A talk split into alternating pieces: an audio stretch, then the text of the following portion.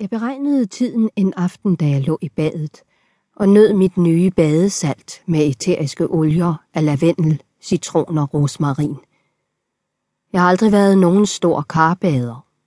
Siden Victoria var lille, har karret i vort rækkehus i Tyresø knapt været brugt som andet end frasætningsplads for smukke flasker med badeolie, som ingen nogensinde har fundet anledning til at åbne. I denne uge har jeg taget bad hver aften, tilladt mig at se bort fra froseriet med vandet. Fordeler man mit totale karbadsforbrug over hele livet, er dets indvirkning på miljøet forsvindende lille. Der, hvor dryppet rammer, er emaljen blevet gul. Jeg skrubbede lidt halvhjertet med noget rengøringsmiddel, men pletten blev siddende, og jeg overlod drøbberiet til det skæbne. Det er en befrielse, ikke længere at behøve bekymre sig. Det har jeg brugt en alt for stor del af mit liv på. Nu ved jeg, at det er tid, jeg har spildt. Jeg børster tænder, og bagefter bliver jeg stående lidt foran mit spejlbillede. I det midaldrende ansigt aner jeg den forventningsfulde teenager, jeg engang var. Jeg ser den samme rådvildhed. Men bagefter ser jeg kun den magre kvinde, som altid har haft blikket rettet mod sine fejl og mangler. Jeg betragter rynkerne rundt om min mund. De to lodrette fuger over næseråden. De får mig til at se bekymret ud. Oven i købet nu, hvor jeg om sider føler mig fri. Jeg undersøger min hals, som Christa har sagt ser gammel ud, og som jeg derfor ofte har skjult under tørklæder. En dag vil jeg stå her foran spejlet og sige til mig selv, at jeg faktisk er ganske smuk. I det mindste forsøge at finde noget, som ikke er direkte grimt. Det skylder jeg den krop, som har holdt mit had ud i så mange år. Derfor står jeg her lidt hver morgen. Jeg øver mig i at møde mit eget blik. Øjnene ligner mærkeligt nok sig selv, men de ser ikke længere det, de plejer. Billedet står skarpere og har fået andre dimensioner.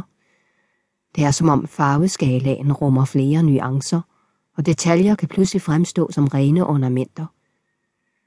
Siden i mandags har jeg set omhyggeligt efter, nysgerrig og usikker på, om jeg får det at se igen. Jeg går ud i køkkenet og laver kaffe. Jeg købte en lille espresso-maskine, som ovenikøbet laver mælkeskum.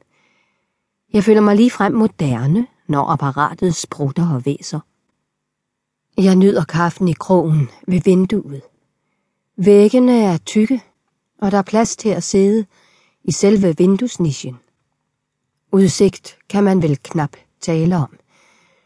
Jeg ser over på genbohusets facade nogle meter bort, og jeg må tilstå, at jeg har slukket lampen om aftenen og siddet og kigget. I den ene lejlighed er der oftest rullet ned, men i den anden bor et par i 30-årsalderen, som ikke er smålige med deres privatliv. Måske har de ikke bemærket, at nogen er flyttet ind på første parket.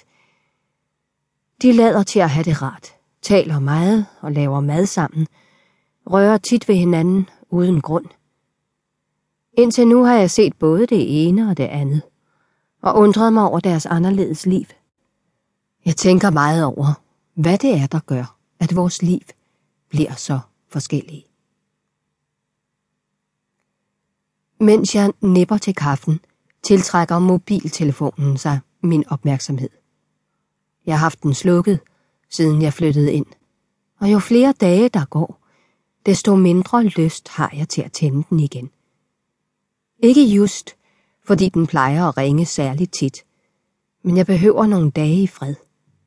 Til min egen forundring lyttede jeg til mit eget behov og til sidesatte de andres. Mit sædvanlige jeg, eller rettere sagt den jeg var til i mandags, ville aldrig have våget at tage sig den frihed. Hun troede, at tilværelsen ville falde fra hinanden, hvis hun gav efter. Men den går bevisligt videre. Måske ikke så godt hos Christer i vores rækkehus. Men hvad ved jeg? Det mærkelige er, at jeg er ligeglad. Jeg orker ikke længere. Egentlig er det længe siden jeg